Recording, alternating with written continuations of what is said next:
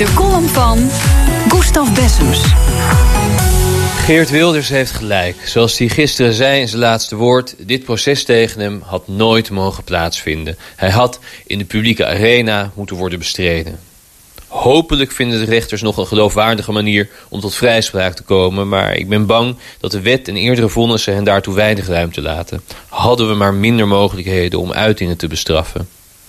Het was gisteravond het stuk dat ik twee jaar geleden schreef tegen de vervolging van Wilders. Dat het proces doorging is sindsdien niet de enige teleurstelling. Ik vreesde toen dat de harde taal die even tegen Wilders werd uitgeslagen... door laffe politici als Mark Rutte en door een vaak vergoelijkende pers zou wegsterven. En ik heb de indruk dat zo ook is gegaan. De fluwelen handschoentjes zijn weer aan. Ik schreef toen dat de angst moest worden afgeschud... om in het linkse politiek correcte hoekje te worden gedrukt. De angst voor het verzinsel van de gewone man.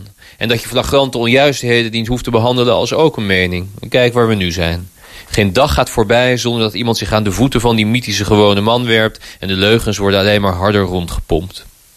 Ik opperde dat je prima kritisch kunt zijn over immigratie of islam... dat je onverbloemd over culturele problemen kunt spreken... of overtegenwoordiging in de misdaad... zonder dat je iets te maken wil hebben met Wilders ranzige haatpolitiek.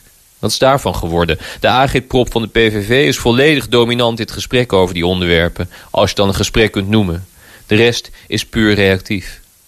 Ik heb zelf ook het hoofd een beetje in de schoot gelegd trouwens. Zo zeg ik anders dan vroeger zelden meer iets kritisch over de islam. Ook al vind ik er genoeg van omdat het me tegenstaat dat ik dan munitie lever voor een hetze tegen een bevolkingsgroep zoals Nederland die de laatste 70 jaar niet heeft gezien.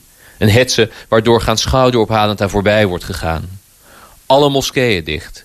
Alle islamitische scholen sluiten. Makkelijker islamitische uitingen verbieden. Preventieve opsluiting van moslims die als radicaal worden bestempeld. De partij met deze voorstellen is de grootste in de peilingen.